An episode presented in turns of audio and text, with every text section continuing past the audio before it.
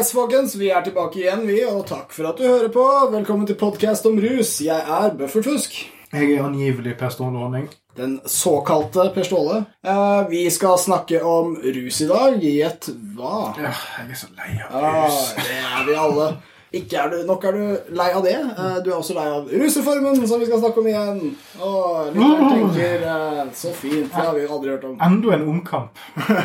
Det blir kanskje den siste på en god stund. Eh, Jeg gjør det litt for at vi skal holde poteten varm. Det er et ordtak jeg liker godt. Det er bare rett og slett litt lite som skjer med rusreformen om dagen. Men det har vært en litt tilspisset kamp om den nå i sommer, kan vi si. Og derfor så må vi rett og slett holde litt fokus på det. Kan bli siste på lenge. Sorry, lytter. Litt mye om et tema. Men vi må eh, faktisk krydre denne episoden litt med en liten, en liten saga om eh, våre motstandere i denne saken, og hva de har opplevd med, med sin kampanje. Så her jeg håper jeg det blir underholdende, selv om temaet er gode gamle. Det eneste jeg på en måte savner litt med å være engasjert, om enn perifert, i, i, i russaken i Norge, så er det sånn, nemesisene våre er ikke så episke. Nei! Det, det er liksom ikke sånne onde horder som bor i slott eller Vi prøver å gjøre noe med det. sånn. Ja. Eh, de, er, de er ikke onde nok, det. Nei, det, det er som regel en ansamling med middelaldrende og ganske sure mennesker. Mm. Og vi har ikke sånne Du vet sånne her høyre side, den ekstreme høyresiden har noen rike onkler og sånn.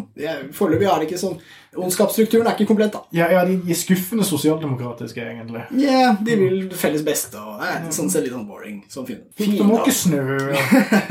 Gode på privaten.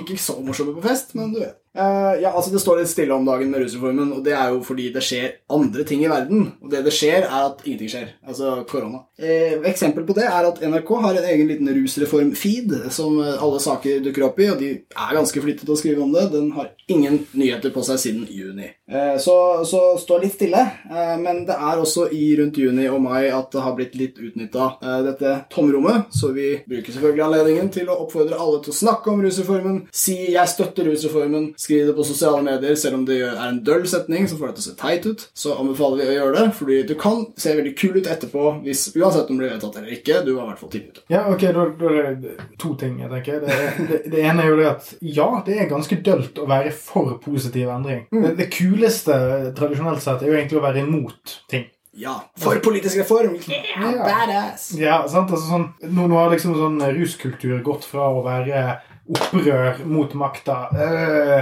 til å bli sånn Nei, vi har lyst til å liksom være en del av det statlige voldsmonopolet og være under beskyttelse av det. Ordna former. Skatteavgift meg? Det er veldig det, er, sånn, så det, det er ikke så tøft lenger, altså. Men nei, de folka elsker å si 'fuck politikere'. Her vil jeg understreke at det er politikere på begge sider. Det blir veldig vanskelig å Ja. ikke å fuck politikere. La oss fucke de jevnt. Du, du, du må ta stilling. Ja. Du får ikke fucke alle. Eh, Med mindre du er Trond Giske. Nei, ikke sant. Men han, han ble heldigvis avslått veldig mye. Ja. En, en ting jeg har hengt meg litt opp i, og dette er eh, sikkert mye meg, men jeg gjør det på lufta likevel, jeg. Eh, altså, det er ikke så mange som snakker om rusreformen av folk som jobber på rusfeltet. Og jeg har ikke så bra beviser, fordi problemet mitt er mangel på disse bevisene. Absence of evidence is not evidence on absence. Nei, men jeg prøver meg likevel, jeg. Eh, Det er, altså, det, det er ikke en så veldig hot sak å trykke like på på Facebook når du er der under fullt navn. Og det skjønner jeg. Det er, blir aldri den hotteste politiske saken uansett. Eh, Og det å være for det kan fucke med hvordan sjefen din ser på deg.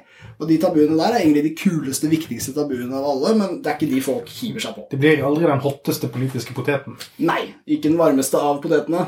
Eh, men det er eh, selvfølgelig en viktig sak, og derfor så Folk flest, greit, du, du er ikke en rusperson, du vil ikke trykke med en russak på Facebook. Men folk som jobber på rusfeltet, jobber med det hver dag, burde være de som på en måte tror de kan noe om det, eh, har førstehåndskunnskapen om hva som skal til, i livreddende kapasitet, f.eks., siden det er så viktig der. Fleste av disse er helsearbeidere. Det er ganske mange som jobber på rusfeltet, trolig, hvis du tenker litt bredt på det. Altså, det er helsepersonell i alle former. Psykologer, sosiologer, kriminologer, jurister. Eh, Det er ikke alle disse som kanskje kan ta politisk standpunkt i rollen sin, men de har jo fortsatt på Facebook at de er mot bomringen eller et eller annet. ikke sant? Det er rart hvordan dette er en litt sånn ikke-sak. Det er jo òg det at denne saken har vært så politisk giftig så lenge at vi sliter litt med etterdønningene. Ja. Fordi det er jo egentlig en sak som nå er ganske mainstream, som jeg dessverre har beklaget meg over allerede én gang i denne episoden, og flere ganger i tidligere episoder. At det er sånn, å, å, nå, er vi litt sånn dølle og konforme. Sant? Men, men, men det er jo overraskende da det at hvis tilfellet er at vi, vi ikke har nok populærstøtte. Altså den, Ja. Fordi eh, dessverre så har jo vi våre egne ekkokamre på sosiale medier og sånt. Jeg tror kanskje, sånn, Jeg skriver jo kanskje ekstremt lite om ruspolitikk, egentlig med tanke på den, at vi har denne podkasten. ja. Men samtidig så er det sånn, jeg føler ikke at jeg har spesielt gode takes kontra folk som sånn Dagfinn Hesten Paust, og, Ja, sure. og folk som faktisk liksom jobber, har tid til å jobbe aktivt med det og Mm. komme med voksne uttalelser og sånn. Og det andre er at når jeg da, sånn, så, så valget er da å ha en uttale og så eh, kanskje ligne litt grann på de der eh, som skriker til alle som eh, syns at hasj ikke er så bra. Mm. For det er litt for mange sånne skrikende Twitter-kontoer der ute. Det er det. Med, med sånn, gjerne, gjerne menn på 30 pluss som ikke har blitt Mm. korrigert nok på at det ikke er så kult å være frekk og stygg med fremmede på internett. ja. Og kalle de stygge ting og sånn. Det, det, det er litt for mange av de kontoene. Det er det. Jeg, jeg, jeg kan sammenligne det med altså, Hvis det fins én debatt Det kan ha vært nevnt på lufta her før. Hvis det fins én som har tabuet hengende over seg, så er det aktiv dødshjelp-debatten. Det både Hvis du er for det, hvis det er din hjertesak, eh, så syns folk du er litt weird. Og det, det, det kan bli en rar ting. Og det er majoriteten av befolkningen er for. Eh, Yes, indeed. I større grad enn dette med rus. Eh, og, og, men, men jeg vil understreke at det er en spesifikk sak. Eh, om så ganske universell, så, så gjelder det en veldig konkret rettighet. Og uh, russaken er mer kompleks, mye større. Rus kan eh, oversettes med glede nevrologisk. ikke sant? Det er komplisert, dette her. Uh, så det å være generelt mot rus er litt rart. Uh, de vi skal snakke om er jo senere i dag, er jo det òg. Det er sånn ekte avholdsfolk. Men det jeg vil si om folk som jobber på rusfeltet, f.eks. Jeg skal ikke kreve at dere er aktivister hvis dere hører på. Men det at de som ikke jobber med rus, tar stilling eh, ikke tar stilling til politiske ting om rus, er litt absurd. Eh, Andre felt gjør det. Og en annen ting er at det gjør at de som knytter navnet sitt til en slik aktivisme, de får mindre gjennomslag generelt, pluss en større sosial byrde å bære personlig.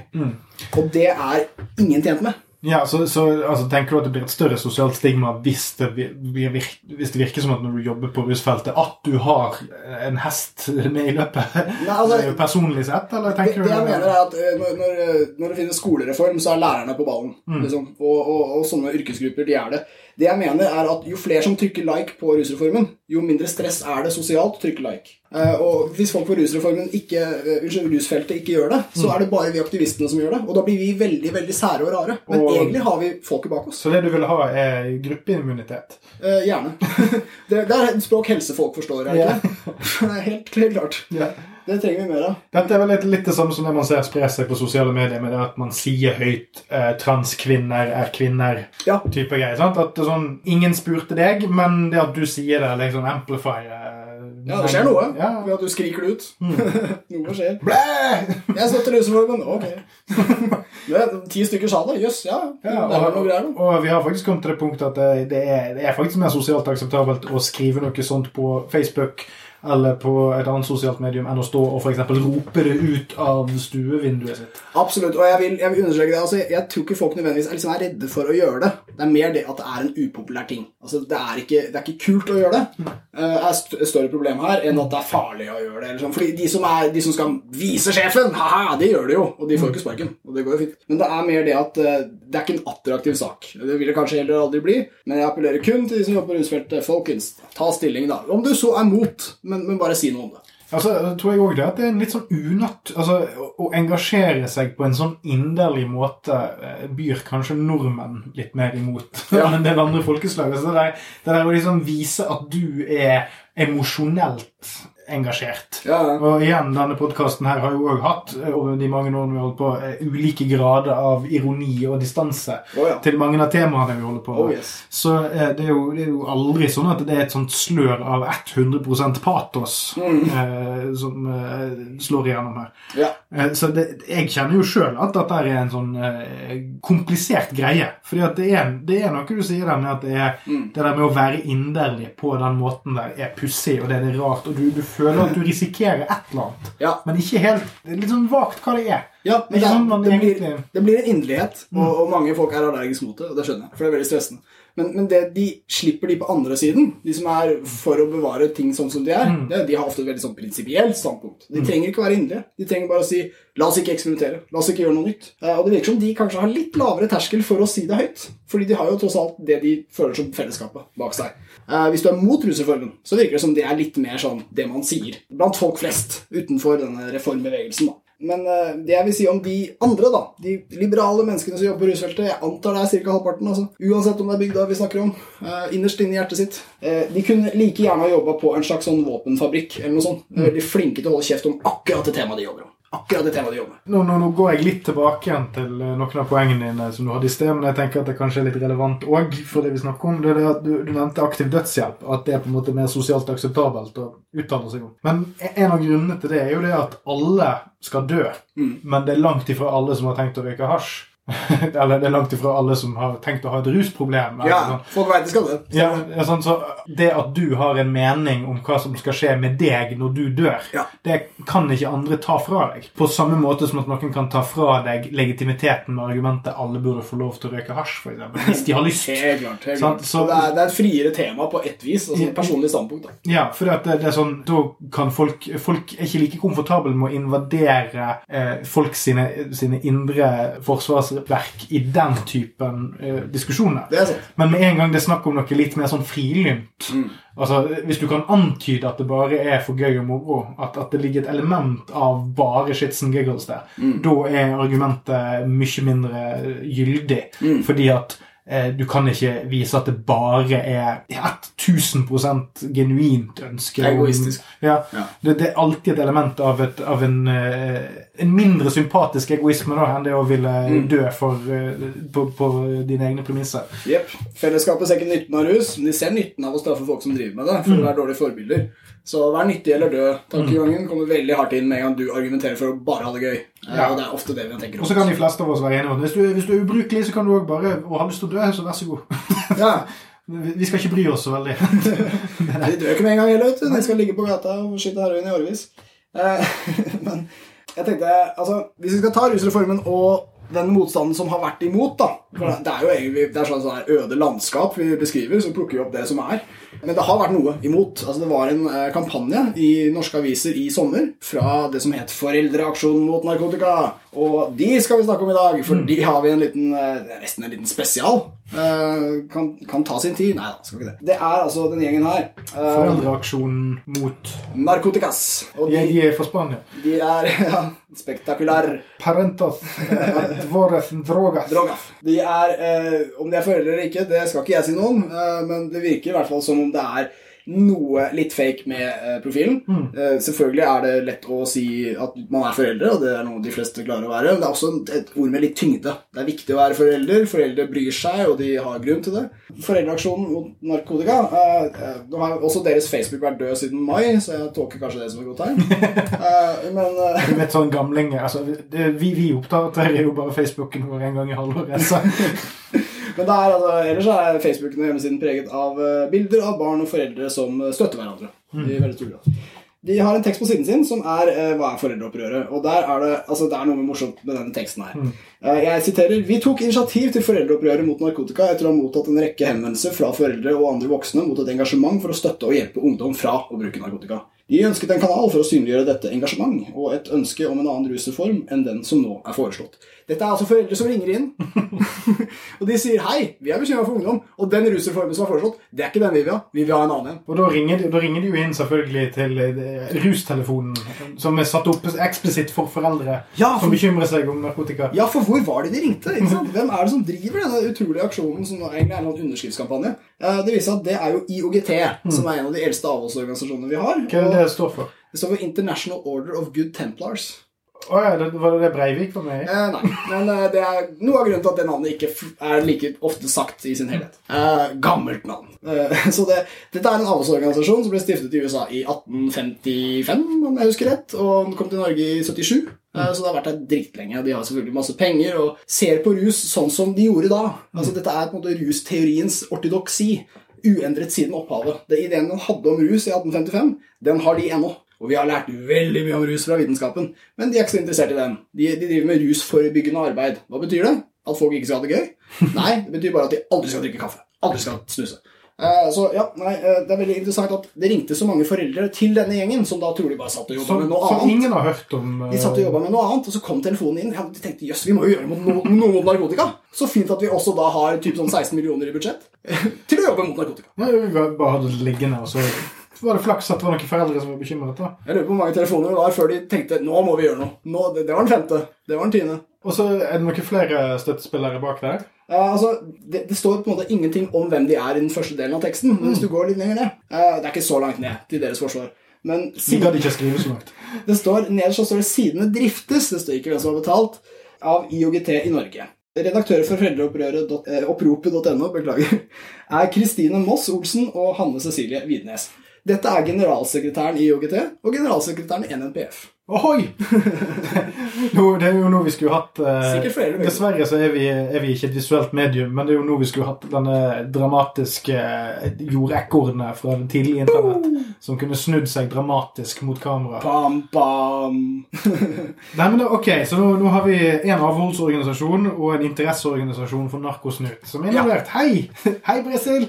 Eh, Politiet som vil lage lover. og da, da begynner jo jeg å tenke sånn Ok, foreldreaksjonen mot narkotika. Foreldrestuten. Og og så merker vi da ok, det, da er det mest foreldre. Ungene not so much. Og i den grad det er foreldre, så er det foreldre med, med, med, med en merkelig forutinntatthet. Ja. Som, med to veldig spesielle organisasjoner. Jeg tror vi kunne det før de fikk barn. Spe, ja, spesielt ja, sånn, sånn foreldre kanskje først og fremst fra IOGT og NNPF, kanskje. Ja, yes. Ja, og, og da går eh, Tankene mine går tilbake til eh, det, det gylne tiåret som var 2000-tallet. Da var det en stor snakkis borte i USA om en organisasjon som het NAMBLA. Nambla. Så, North American Man Boy Love Association. Som kjempet veldig hardt for at menn og mindreårige gutter skulle kunne ha kjærlighetsrelasjoner. De kalte det vakkert. Ja. Ja, det var vakkert. Eh, My, mye snakkis om det. Og, og, og grunnen til at jeg går dit, er jo det at når du ser en organisasjon som Nambla operere, så merker du jo at fraværet av en av de to gruppene er ganske stort i, i de som representerer. Det satt ikke så mange gutter under eh, seksuell lavalder eh, i, i styret til Nambla. For å si det sånn. Det var ikke så mange av de som møtte opp. Det var hovedsakelig gamle, ekle menn. Og uten sammenligning for øvrig så føler jeg jo da kanskje at foreldreaksjonen mot narkotika kanskje mangler litt barn. Sånn, altså sånn På den måten, hvis Ja. du skjønner. De er i bakgrunnen. Ja, Mens de er- de sitter og skriver på Facebook, Ja. så sitter de og ligger de og sover. Det minner meg litt om John Stewart på gamle Daily Show, hvor han pleide å si en eller annen organisasjon, og så sa han at uh, initialene var NAMLA Ja. etterpå. Det er foreldreaksjonen. Ja, for eksempel The National Rifle Association. NAMLA. For short. Det er, eh, denne foreldreaksjonen viste seg, apropos dette med ungdom, eh, så viste de seg veldig fort å være en kampanje mot rekreasjonell rusbruk blant voksne. Mm. det var ikke så mange debattinnlegg på Facebook som skulle til, før det absolutt ikke handla om ungdom i det hele tatt. Det er også et komplett ekkokammer. Og vi var innom det at vi også tilhører de. er litt sånn vanskelig å unngå i disse hermetiserte dager hvor alle er eh, lukket inne og polarisert. Men eh, vi prøver å lufte i våre, da. Eh, vi er de som ofte ønsker andre perspektiver. Vi, vi, vi er den siden i debatten som vil være best på det. Og Grunnen til at jeg kaller denne aksjonen for et ekkokammer, det er at de samler på en måte en gjeng av de litt sånn rare aktivistene. Det er akkurat som vi får en sånn Trump-gjeng, eller hva jeg skal kalle det. Liksom på tvers av andre ideologier så samles vi om denne saken. Grunnen til at jeg sier det, er narkotikapolitikk.no, som er en eh, forkjemper for kampanjen. De har bl.a. Øystein Skjetne med på laget nå. Han var vel egentlig bare en slags sånn Sør-Amerika-venn og arbeider, eh, som ikke var glad i kokain, forstår vi nok. Eh, som da på en måte ble med i hele den kampen deres. Den Eh, eneste Sør-Amerika-vennen som ikke var glad i kokain. ja, ikke sant? Og vi har, vi har allerede, allerede nevnt IOGT og NNPF som drifter av dette, men så har de også med Knut Reinås, som er en gammel sosiologiprofessor. Og de har også de hadde en video med Bjørn Røse, som er gamle tolldirektøren, eh, også en veldig aktiv antinarkoforkjemper, hvor han sto og snakket inn i kamera og sa at han støtter foreldreaksjonen mot narkotika, og at uh, rusreformen er et brudd mot FNs narkotikakonvensjoner, og det er no shit, man, eh, det er noe av poenget. Men den andre han sa, altså det er ikke så veldig relevant da, men det andre han nevnte, det er at det bryter barnekonvensjonen. Og det er en kjempesprø konspiratorisk tanke som kan avfeies så lett som å si at eh, FNs barnekomité eh, støtter på generell basis rusreform, faktisk legalisering, og det har gjort det i rundt ti år. Det er, Når det kommer til hva FN anbefaler for barn, så fins det absolutt ikke noe organ som sier at straff er veien å gå. Og, og Bjørn Røse sier dette inn i et kamera. Ingen stopper ham. De legger ut videoen. Bare si det til Bjørn. Litt rar ting å si, det, men vi har ikke noen fucking redaktør. Alt er greit i vårt ekkokammer. Det er jo litt interessant i den tiden vi lever i. Nå er det jo for en måned, måned tid siden, ish to, så var det jo mye snakk om igjen en slags sånn redaktør- eller Vær varsom-plakat for podkaster. Ja. At du ikke, sant, som jeg mener eh, helt, helt uavhengig av hva eh, andre eh, mye mer populære, men veldig mye dårligere podkaster måtte lire av seg av eh, veldig inkriminerende påstander Yes. så uh, syns jeg det er en dårlig idé. Men uh, man bør alltid bli holdt ansvarlig for hva man legger ut på nett. Ja, Og, og konfrontert gjerne med påstander. Og da må vi jo si at det å legge ut Dette er jo da Er det YouTube-klipp eller er det Facebook-klipp, eller hva? Ja, det var Facebook-klipp. Ja. Ja, Facebook-klipp det er jo ting, altså, dette er jo ting vi kan rapportere inn til Jeg sier ikke at folk burde gjøre det, men det er jo ting som man burde jo si til Facebook at hei, her er det noen som driver og sprer fake news. Det, Ja, ja. det kan man gjøre. Jeg sier ikke at man skal gjøre Det det. er såpass hard påstand om noe ganske sprøtt at man kunne kalt det fake news. si. Men eh, jeg skal bruke litt tid nå på det som jeg kaller sagaen om underskriftene. Fordi det som skjedde med Foreldreaksjonen mot narkotika, var at de basically ble sabotert. Og uh, det var en interessant sak. Uh, sagaen om underskriftene den begynner egentlig 29. mai for min del. Jeg har prøvd å gjøre research her. Uh, Dagfinn Esten Paus, nestleder i Foreningen Trygge ruspolitikk, han skrev 29. mai. Hvordan i alle dager fikk den såkalte foreldreoppropet mot narkotika 15 000 nye signaturer i løpet av natta? Det viste seg at denne kampanjen, som bare handlet om å samle inn underskrifter, hadde ikke noe krav til verifisering av identitet. Sånn at du kunne bare egentlig bare skrive et navn, og så var det en underskrift. Det er uh, veldig sårbart. De fleste underskriftskampanjer har bedre sperrer. I hvert fall en Eh, mailkonto, i det minste. ja, eller i, i det minste. Eller en sperring av trafikk, IP eller DNS, sånn at du i hvert fall kan se at ikke samme person har liksom gjort det igjen og igjen. Samme dag så ble det, eh, i forkant av denne voldsomme veksten, så hadde det blitt påpekt av Kenneth Arctander at det var mulig å manipulere kampanjen. Og idet han sier det offentlig, så er det egentlig en slags race som oppstår. Klarer de å tette hullet før noen fucker med det? Og det gjorde de ikke. Eh, Det var da noen som satte opp en bot, eh, som har fått Eller bot. En robot. Bot, bot, robot. Ja, for hvis du satte opp en båt, så er det jo Ja, vi sier en, en sjark. sier en bot. vi. Du har rett. Da, ved et punkt så var altså tallet på aksjonen oppe i 29 284 eh, underskrifter. I dag så er tallet nede i 8720. Ja. Som er et helt eh, sannsynlig tall. Og det er nå greit. Det som skjedde, var at eh, signaturfeltet på siden først forsvant, som om aksjonen var lukket. Eh, dette ble dokumentert. eh, og så kom den tilbake igjen etter en stund med justert. Da hadde de fått bort de falske, så takk for det. Eh, men så begynte paranoiaen. Og det er da dette begynner å bli en litt interessant historie, for alle kan jo bli kødda med på internett. Men eh, Knut Reinås hadde et innlegg. Gamle, gode Knut. Det var i Vårt Oslo han skrev det. Han er jo en sosiologiprofessor, om det er fra UiO han fikk det. eh, men uansett. Det han skrev, altså han, han skriver faktisk eh, Han name-dropper, som vi sier. Vi som tror vi er unge. Og han skriver liberaliseringstilhengerne, deriblant Kenneth Arctander Johansen, var bekymret over den store oppslutningen oppropet fikk. Johansen la ut en video på sin Facebook-side der han viste at han ville manipulere kampanjen. Og fikk i kommentarfeltet støtte fra andre som ville ødelegge kampanjen ved å registrere falske underskrifter? Spørsmålstegn. Igjen, en professor skrev det. Noen moret seg også jeg er fortsatt på sitatet, noen moret seg også med å koble til en robot som la inn 22 000 falske underskrifter i løpet av en natt. Kenneth Johansen og Dagfinn Paust i Foreningen Tryggere ruspolitikk, også en legaliseringsorganisasjon, var blant de første til å kommentere disse underskriftene morgenen etter. Så vi snakker her om en gjeng som har satt opp en tjeneste med et sikkerhetshull. Det har blitt påpekt av en person. Neste dag påpekte en annen person at eh, de har blitt fucka med det sikkerhetshullet. Og da sier de at det må ha vært dem. Jeg vet ikke hvor mange drugs du må spise for å bli så paranoid som denne gjengen her.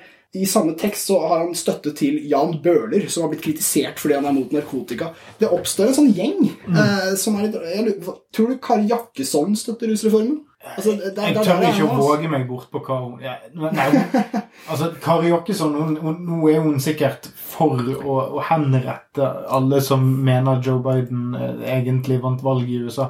Altså, det, eller et eller annet tilsvarende sinnssykt. Altså, det er jo For en måneds tid siden så sto hun jo i, på Flygger farge. Ja, sånn. Og eh, det, hadde et sånt Karen-moment der hun drev og anklaget eh, det- Bent Høie for å være en autoritær despot fordi at noen ba henne om å ta på seg eh, ansiktsmaske når hun skulle kjøpe maling. Ja, Så, og det er så interessant. Det der, altså, eh, nå vet ikke jeg noe om hennes tilknytning spilte denne gjengen, men hun hadde vært et naturlig element å ta med. Og det er akkurat Som en sånn kaospilot. Som Ja. bare, bare, det er ikke så viktig hva hun mener, men hun hvis hun mener noe, så mener hun det jævlig intenst. ja. Ubehagelig intenst. Og med- med referanse, med referanse til forrige episode så lever vi liksom i en tid hvor alle slåss mot noe. Og alle slåss gjerne mot den som er større, fordi alle er et slags offer. Ja, Og, og Det er fascinerende å se hvordan uh, den gjengen her, som har styrt i årevis Knut Reinås har drevet kurs i årevis hvor han bare har snakket om rusgift og fått masse offentlig støtte. Altså, de har alltid hatt penga, alltid hatt makta, alltid hatt kanalene. Og nå er det liksom mafiaen. Eh, Det ble påpekt også av eh, narkotikapolitikk.no, som sa at vi har blitt hacka. Så ble det nevnt i den teksten at narkotikamafiaen har jo jævlig mye penger, så de ansetter jo de beste folka ikke sant? for å f.eks. knekke en sånn kampanje. Det, det er paranoia på et nivå jeg aldri har hørt fra rusbrukere. ja, for rusbrukerne de er som regel redd for CIA og sånt. Ja, Men, men, men her, her har vi folk som faktisk har litt innflytelse i samfunnet og er livredd for at de narkomane kan ta kontakt med supplierne sine, som de kan sette opp flere årsverk for å undergrave lovlige norske legaliseringskampanjer. Ja. Og det er, en, det er en paranoia av en type som er veldig selvsentrert. Eh, kanskje mer enn den typen du får på psykedelika, hvor du blir litt sånn ydmyk. Eh, så dette er liksom kokain-type paranoia de, de utviser. Og de får, altså, jeg, jeg må si det, altså Som Scarface end level. de, de, de gutta som driver narkotikapolitikk.no og til alle disse altså, jeg, jeg skjønner at det å slåss for det som du tror er rett, og kan redde liv i dine rare ideer, er noe som gjør deg til en fet person. Men jeg blir redd for hvordan vi er i deres øyne. For vi kommer til å være djevelen, Satan, monsteret. Altså, hva tror de om oss? Er de, er de seriøse og sikre i sin sak? Fordi det, det, Jeg vet ikke om det er ekkokammeret som gjør dem gærne, eller hva faen. Men vi, vi har hatt folk fra disse folka med på våre debatter, og så sitter de der og så sier de, ja, men vi kan ikke gjøre narkotika lovlig, for det er lovlig allerede. Mm. altså, de kan si ting som er så utrolig motsatt at eh, jeg, lurer jo på om det går bra med dem. Eh, det er jo én ting. Men, men en annen er hvordan de aldri er uenige med hverandre internt. Det er ikke sunt. Men jeg tror det der er en sånn seinskade av å leve i én vedtatt virkelighet så lenge at når verden begynner å forandre seg, så ser du det som et tegn på decline. Det er en høy snittalder på dem, så Ja. jeg må jo kanskje gå med på den. Ja, sant, at, at nå, nå, å, ja, Ungdommene de, nå, de, de er så glad i narkotika at de manipulerer valgprosesser og, og setter inn uh, hatkampanje mot nettunderskriftene våre. Du, må- du må ikke telle stemmene på rusreformen. Du må ikke telle dem. Bestefedre har jo alltid vært redd for at ungene i nabolaget skal drive og stjele eplene i hagen deres. sånn, Så dette er jo bare en For å lage hasjpiper av eplene. ja, Dette er jo bare Knut Reinås som har blitt altså, Nå ser han ut i sin, sin samfunnshage og ser at ungene holder på å ikke bare stjele hans epler, de holder på å ta eplene hans og, og transplantere i sin egen hage. Og han har advart mot epler i alle år. Ja. Alle år han jobba hardt for dette.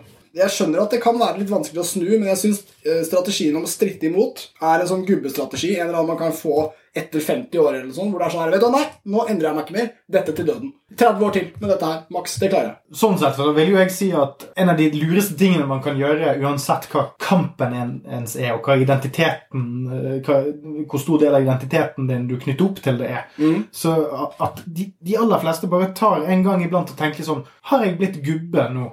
Altså, Er jeg nå en kjipere kraft Viktig det i, i det feltet jeg identifiserer meg mest med, enn jeg er en positiv kraft? Veldig viktig. Fordi det, jeg- det jeg tenker med, med denne gjengen her, er at uavhengig av hva godt de tror at de gjør, så er uansett fokuset deres negativt. Jeg hører aldri disse navnene her i, i positive tiltak. Det er alltid med et neg, altså en, en sånn negativ Åh, ting går til helvete. Eh, ungene våre driver med narkotika. Åh. Det er aldri liksom sånn Nei, nå bare lagde vi en ungdomsklubb fordi Ja. Uten å nevne narkotika. Sant? Det er står alltid dette. Men eh, husk det, da, lytter, kjære, kjære du eh, som er ung. Eh, husk at vi har introdusert alder her. altså Det er en gamlinggreie å være mot rusreformen. Så snakk om rusreformen så mye du kan til de gamle menneskene rundt deg, for de er imot den, og de veit ikke en dritt om den. Så snakk gjerne med rusreformen. Eller så, eller så kommer Knut Reinås overbevise disse gamle og disse gamle og disse gamle. Som, som, som du må være ganske gammel for å ta referans, denne referansen. Jepp. Eh, Rusreformen blir tatt opp til våren. Jeg tror ikke vi kommer til å snakke så jævlig mye mer om den før det. Men eh, det vil trolig bli en eller annen form for pressekrig. Jeg vet ikke, jeg. Eh, lyttere, hva dere kan gjøre. Men please, bli med på det hele. Vi kan ikke la den dø. Vi kan ikke la rusreformen bli bytta i en hestehandel mot en riksvei i Trøndelag eller et eller annet sånt shit. Den er viktigere enn det. Det kan ikke bare bli en del av en sånn skittig politisk teaterpakke. Vi må seriøst få dette gjennomført. Så eh, heng med, hold ut til våren, og fight i mellomtida. Så mye dere gidder. Rusreformen er bra. Lik og del. Og reformer! Ha det bra.